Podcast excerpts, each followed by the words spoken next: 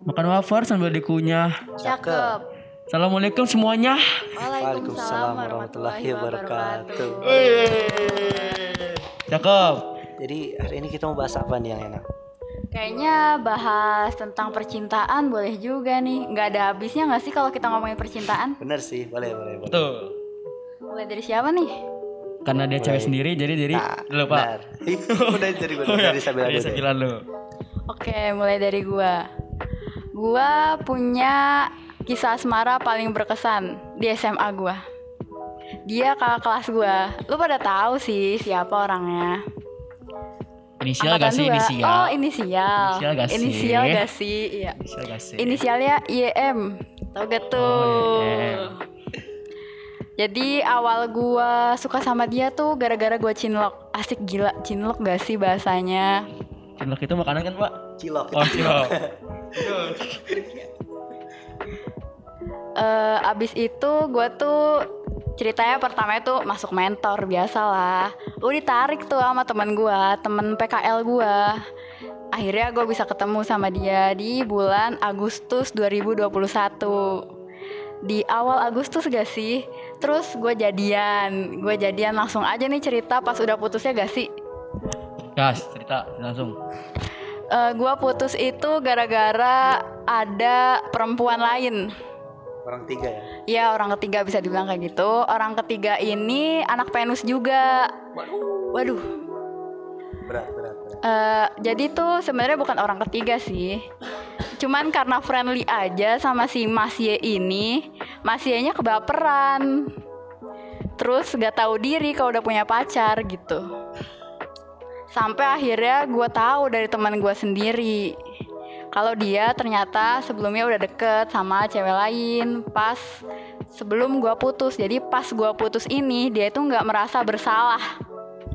Sedih eh, guanya sih galau abis-abisan. Dia kayak biasa aja gak sih? Kayak ya udah gitu putus.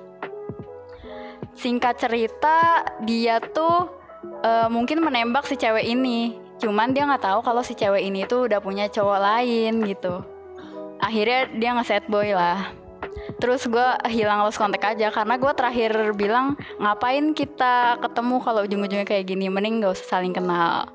Sing itu cerita dari gue terima kasih. Menarik ya Pak. Satu pertanyaan nih dari gue.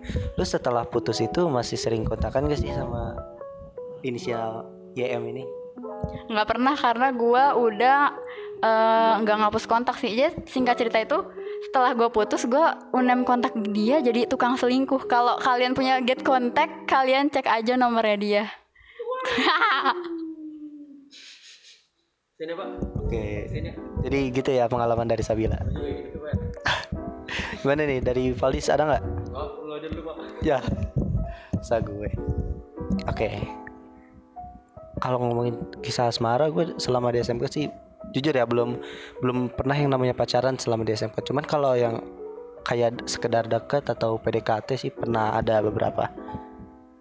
Dan ada juga perempuan yang bagi gue dia itu awalnya spesial karena dia punya keunikan tersendiri. Kayak dia tuh anaknya asik, cuman terlalu friendly ke semua orang, terutama ke cowok ya. Gue selama tiga tahun mendem rasa gue nggak pernah ngungkapin sama sekali ke dia, cuman gue ngeluarin ciri-ciri kalau bahwa gue itu suka sama dia.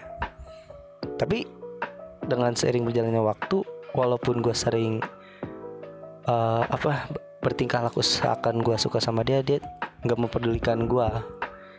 Jadi perasaan gue ibaratnya bertepuk sebelah tangan gak sih? ya gitu deh. Selama hampir tiga tahun lah, hampir tiga tahun gue mendem rasa. Bisa dibilang mencintai dalam diam. Dan sampai akhirnya gue mutusin buat udahlah gak, gak mau lagi suka suka sama dia. Karena uh, pertama dia udah punya cowok lain terus yang kedua gue juga udah ya bisa dibilang ya ngerasa sama dia. Gitu sih. Nah aja sih dari gue thank you gimana dari Valdis ada nggak